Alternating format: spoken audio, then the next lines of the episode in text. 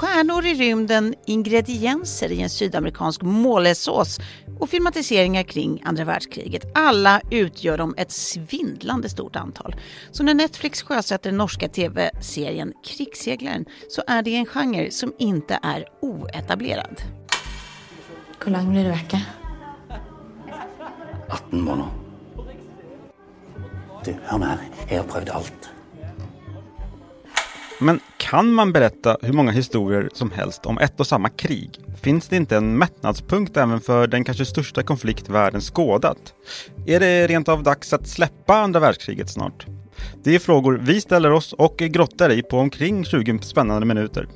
Jag heter Elias Björkman.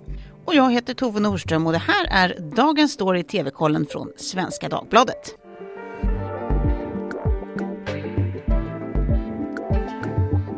Nu är vi inne på dina territorier. Sa han ironiskt. Andra världskriget. Ja. Åren 1939 till 1945. De, det är de åren du vet mest om i världshistorien. Nej, men eh, vi är inne på andra världskriget. Som sagt. Men i slutet av avsnittet så kommer ni få höra några tips och antitips som inte har med andra världskriget att göra. Det kommer ni verkligen få. Mm. Eh, Lystra noga. Det, det verkligen finns, finns godbetar. Godbitar att ta till sig. Betar vet jag inget om. Nej, i den här Binge eller Blä som kommer senare. Men vi, vi tänkte ju idag prata om Krigsseglaren på Netflix. Det är en, från början en långfilm, en norsk långfilm som hade premiär på biograferna i höstas. Den kostade 100 miljoner norska kronor. Det är den dyraste norska filmen någonsin. Ja. Och eh, det, det märks ju absolut. Det är ett oerhört produktionsvärde här. Det är ju Enormt. det är väldigt Man, man, man, man kan säga att verkshöjden. verkshöjden. Det sitter ju, alltså de här effekterna och eh, inte bara effekterna, men hur det, det är helgjutet på ett sätt som eh, det kan vara svårt att få till. Man, ofta tycker jag man kastas ut ur eh, filmens universum när man märker något strålkastare sitter konstigt eller ljuset skuggas konstigt eller sånt. Det fanns inget sånt här, jag tycker det märks verkligen. Hundra välinvesterade norska miljoner helt enkelt. När den nu kommer utanför Norge så är det en miniserie på tre timmar som vi har fått den som, vi fick den inte på bio här, men Nej. vi fick den på Netflix och eh, manusförfattaren eh, är glad för detta. Han heter Gunnar Vikene och han har också regisserat. Han har klippt om filmen till eh, tv-serie och som sagt, det här tycker han gjorde den bättre, för han fick berätta mer, han fick in mer. I och för sig var det en halvtimme mer. För Ja, men var ju, det kan vara ganska mycket. det kan vara ganska mycket, för den var ju ändå två och en halv timme på bio också. Men, Ja. men ändå, och de har lagt till lite effekter och putsat lite och hållit på och, och, och finlirat.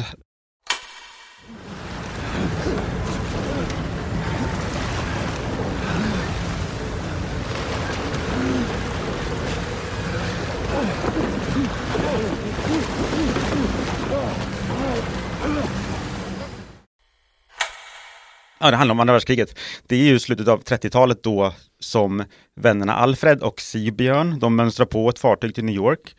Det är ju ganska knapert liksom, de behöver arbete och eh, men ute till sjöss så förvandlas de, de, blir, de går från sjömän till liksom parter i kriget när Tyskland invaderar Norge. Precis, det här händer ju när de är till sjöss. Just precis, när vännerna är till sjöss. Eh, Alla handelsfartyg, norska handelsfartyg, de blir liksom en del av eh, allierades motstånd. Så de ingår liksom i de allierades eh, motstånd mot Tyskland. Och det är väl det som är grejen att när man då konstaterar att krig bryter ut så, så eh, kanske instinkten är att man vill hem till sin familj men då görs det ju då tydligt att gör ni det då kommer ni också räknas som fienden. Då kommer ni tillbaka till vad som numera är tyskt territorium och tvingas ansluta till Tysklands här. Men det er ikke i min makt å endre på det, Kval. Stemmer det at de som går i land får navn og adresse trykt til lokalavisene sine som forrædere? Dette må du ta med din egen forening. Så det er sant. Det som er sant, er at over halvparten av det eh, Storbritannia trenger for å vinne denne krigen, kommer fra norske fartøy. Husk det. Trenger hjelpa vår. Om du mönstrar av så att säga, eller ger dig hem, då är du ju förrädare. Precis. Då är du ju körd i princip i Norge. Alltså, förutom om det inte blir tyskt eh, makt, eh, liksom, om inte tyskarna vinner till slut. Det här historien, det handlar om de här krigsseglarna, det fanns faktiskt i Sverige också. Det, det är ett litet Gjorde un... det? Ja, det fanns eh, krigsseglare i Sverige och de hade lite samma öde, för det, var, det är lite en, liksom, en grupp som inte har uppmärksammats så mycket kanske och som, och som inte behandlats jätte jättebra kanske, kan man kan säga, efter krigsslutet. Man har inte fått den ersättning man hade rätt till och man kommer hem och är ganska Mm. bruten och man ses inte som en soldat, men man har varit med om, Mm, man har ju varit i striden då. precis. Eh, och liksom, man kanske behandlades som en, ja, lite fånig, ja, men som en liten utstött så. Det fanns i Sverige också och det blev väldigt, väldiga konflikter efter krigsslutet om att Skatteverket hade, man, man undanhöll pengar som de var, sjömännen var, eh, hade rätt till. Mm. Det finns en trend här. Samtidigt med krigsseglaren så har dramaserien Transatlantic kommit på Netflix. Den handlar om den förmögna amerikanen Mary Jane Gold som hon räddade judar i Frankrike på 1940-talet när Frankrike var ockuperat. Den har precis kommit. Det är en helt annan sorts serie ska jag säga. Mm. Den, det är inte alls som, som den här men det är Det är ändå, fortfarande en serie som utspelar sig i en tid av krig. det är ju samma tid men en lite annorlunda, andra teman och andra Mm. estetiska val kan man väl säga. Och det tredje exemplet på den här andra världskrigsvurmen då, eller vad vi ska säga, i det kommande Master of the Air. Det är en serie som är producerad av Tom Hanks, Steven Spielberg. Mm. De gjorde ju också tidigare Band of Brothers och Paci- The Pacific. Mm. De serierna finns på HBO Max. Eh, Masters of the Air handlar om ett, jag vet inte vad det heter, men ett kompani eller en grupp inom flygvapnet, luftvärn, Mm. kommer på Apple TV senare i år. Vad beror det här på då? Varför men- har vi alla dessa? Precis, man kan ju ställa sig den frågan, som du precis gjorde Elias.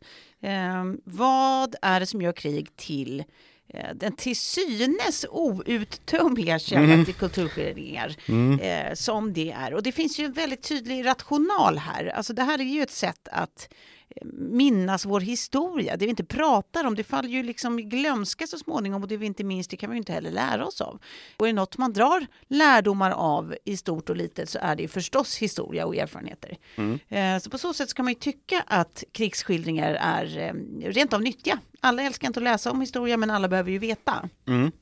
Eh, sen kanske man kan undra också varför det är just andra världskriget som, som det gör så rekordmycket film och tv om. Krig finns ju över hela världen så att säga.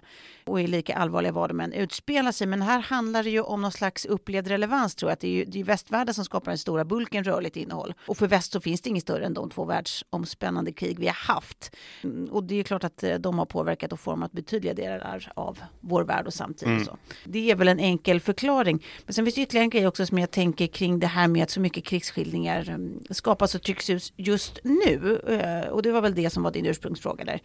Ehm, Och det kanske faktiskt inte är en slump. Vi har ju haft känningar kring någon slags eh, analkande tredje världskrig ända sedan 2001 egentligen i och med 9-11 och då har vi haft liksom Al-Qaida och Isis och, och liksom olika terrororganisationer i fokus.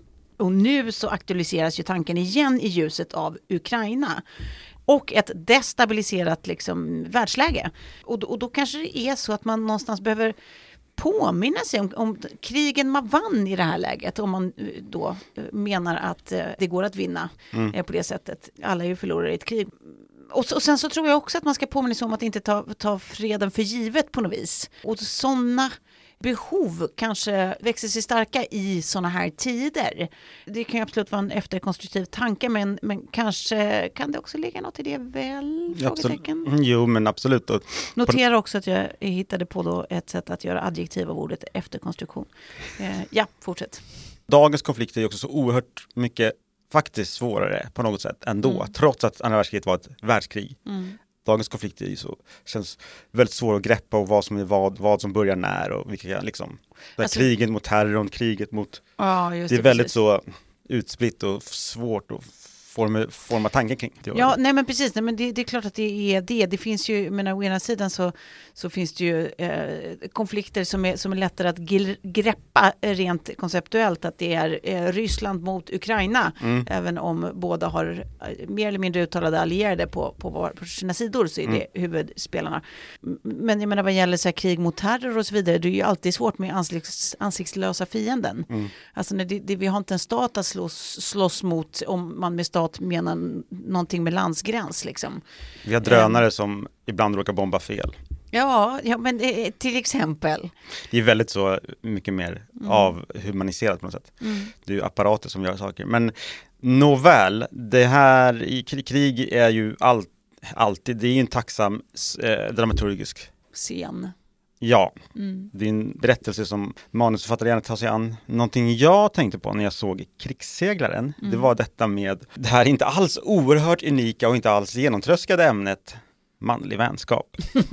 Eh, nej men eh, krig eller en extrem situation i allmänhet och andra världskriget i synnerhet, det verkar liksom underlätta för manliga manusförfattare att rota i det här traumatiska som är det här den manliga vänskapen, att få en vän. Hur gör man? Nej men nu raljerar jag lite och jag ska inte liksom eh, säga att jag förstod, skulle kunna tänka mig hur det är att ligga och skjuta i ett krig. Nej. Det måste ju vara fruktansvärt. Men jag förstår ju, det är ju en, också en tacksam eh, situation att berätta en historia utifrån. Ja, men det är väl inget som, som svetsar samman så effektivt som en, en gemensam fiende kombinerat med absolut dödsskräck. Nej men exakt, och eh, man måste göra hemska saker, saker man inte Ah. trodde existerade, saker man inte trodde man skulle klara av Just eller det. liksom någonsin få uppleva. Man är tusentals mil hemifrån, man Mm. liksom landstiger på fientlig mark. Och så finns Alltså- det bara en annan person i världen som kan förstå hur det verkligen var.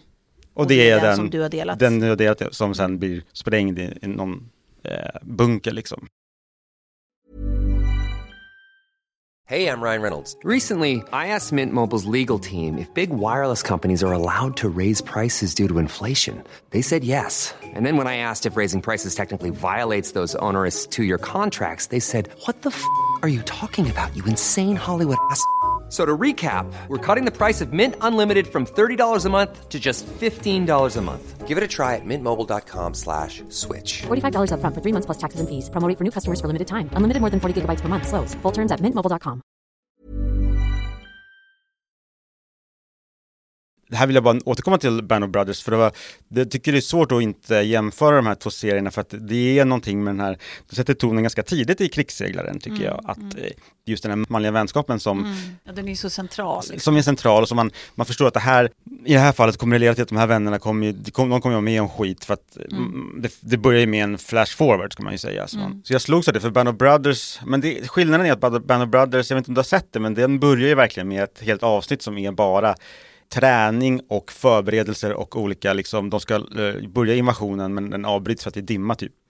Alltså det är ganska så här repetitiv och den tröskar lite, det är, liksom, det är, nästan, inte- det är nästan tråkigt, det är inte tråkigt men och det tycker jag saknar i krigsseglaren. Där tycker jag att man, det är för mycket skissartade scener och jag tycker inte porträtten riktigt fastnar på mig som det gör i Band of Brothers. Jag tror man skulle mer behöva ligga med i liksom det här tråkiga, uppleva det här tråkiga lite mer.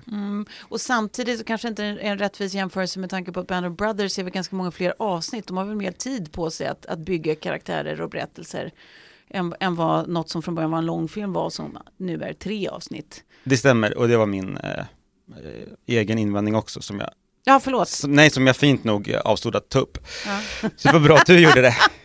Men jag sak, en annan sak jag saknar är eh, faktiskt blod om jag ska vara lite sån. Det var ju någonting som Tom Hanks och Steven Spielberg, de gjorde också Rädda menige Ryan. Just det. De införde någon sorts extrem realism i krigsfilm på något sätt. Alltså det var väldigt stökigt och det blodsprutade och det stänkte grus på kameran och allt var kaos. Och det, det i sig gör ju inte, det måste ju göras bra och väl. Det i sig är ju inte en, en, liksom, en USP för, för framgångsrik film. Men jag saknar det, det känns inte, det tycker inte krigssegraren kändes på samma sätt hos mig, om man ska jämföra dem. Men den, den skildrar inte bara de här männen, den skildrar faktiskt livet hemma också, eller hur?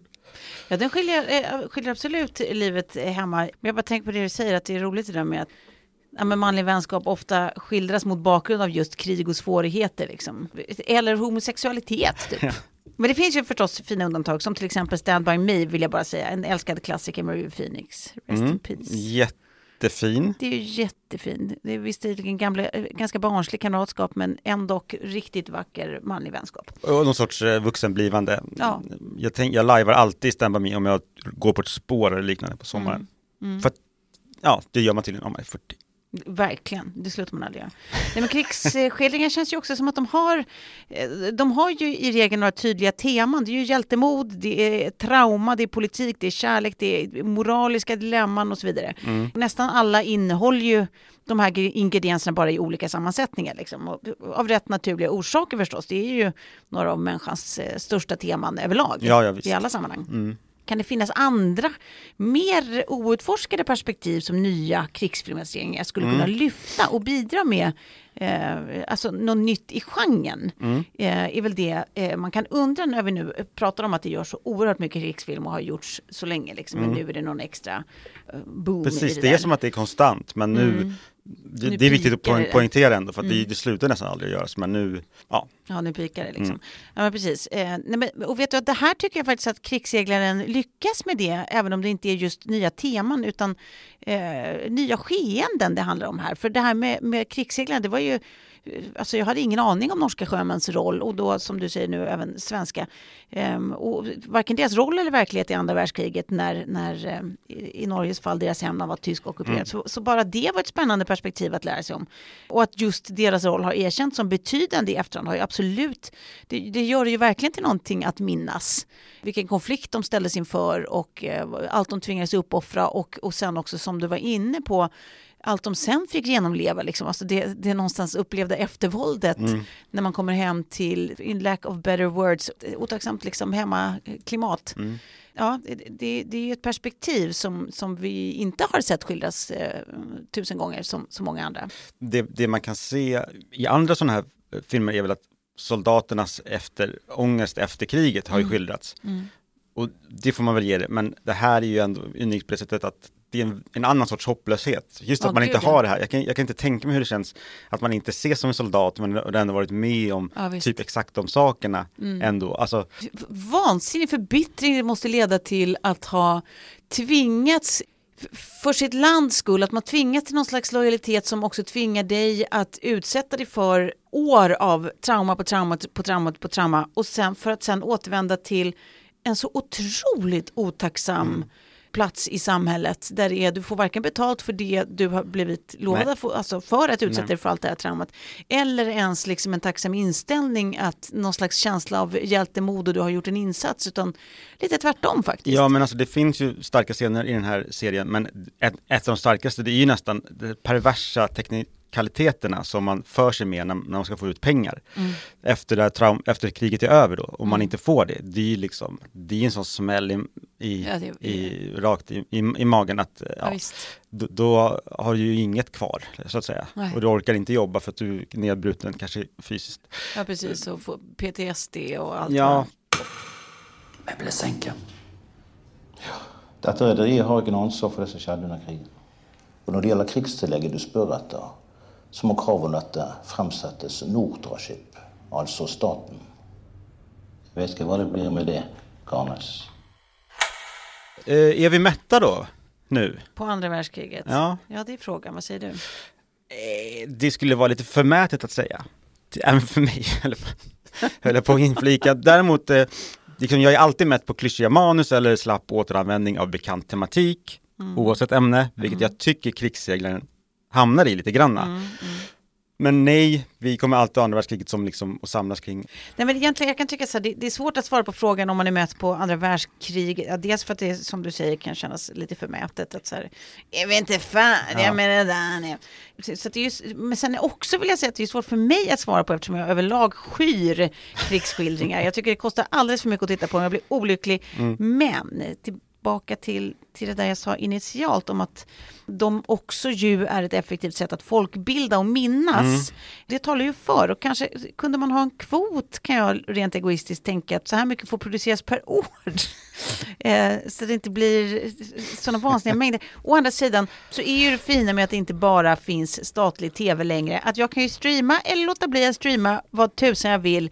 Så att någonstans får man väl landa i live and let live. Mm. Eh. Eller så går någon politiker till val på att Just. kvotföra Ja. andra Ja, världskrigs ni vet vad ni hörde det först. skildringar.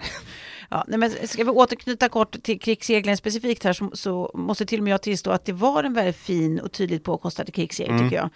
Ehm, sen en sista sak vill jag säga eh, innan vi avslutar för idag. Eh, och det är att ni hör mig säga här och nu att en av de här huvudrollerna, min fellow Nackabo faktiskt, Paul Sverrehagen, eh, som vi eventuellt kanske känner igen också från SVTs, eh, SVTs Exit. Eh, han kommer få erbjudanden från Hollywood efter det här.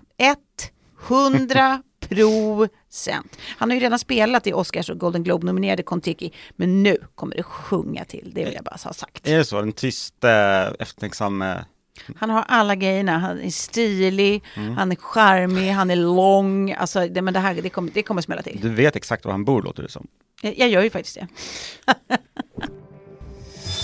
Ja, men då lämnar vi i alla fall andra världskriget för nu. Och det är faktiskt dags för binge eller blä. Jag tänkte börja för jag tycker det har varit lite för soligt, lite för vårigt, lite för glatt. Så eh, jag tänkte köra en blä idag. Och ja, det, ja. Det, så kan vi inte ha det. Nej.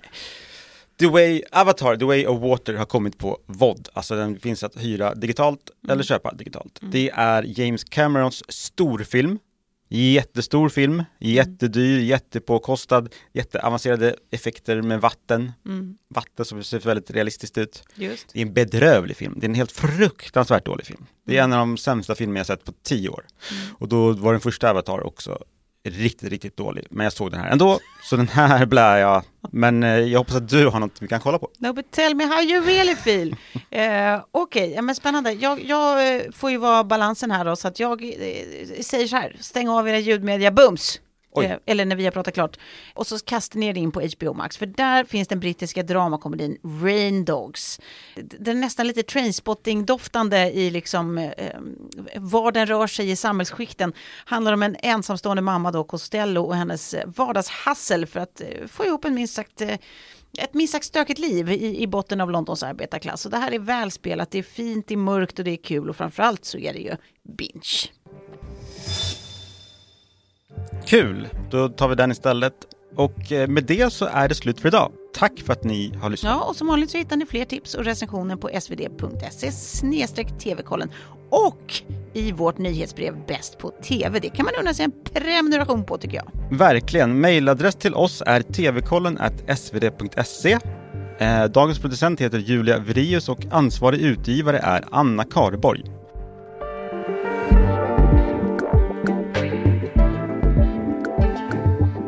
Klippen vi hörde i programmet kommer från Krigsseglaren på Netflix.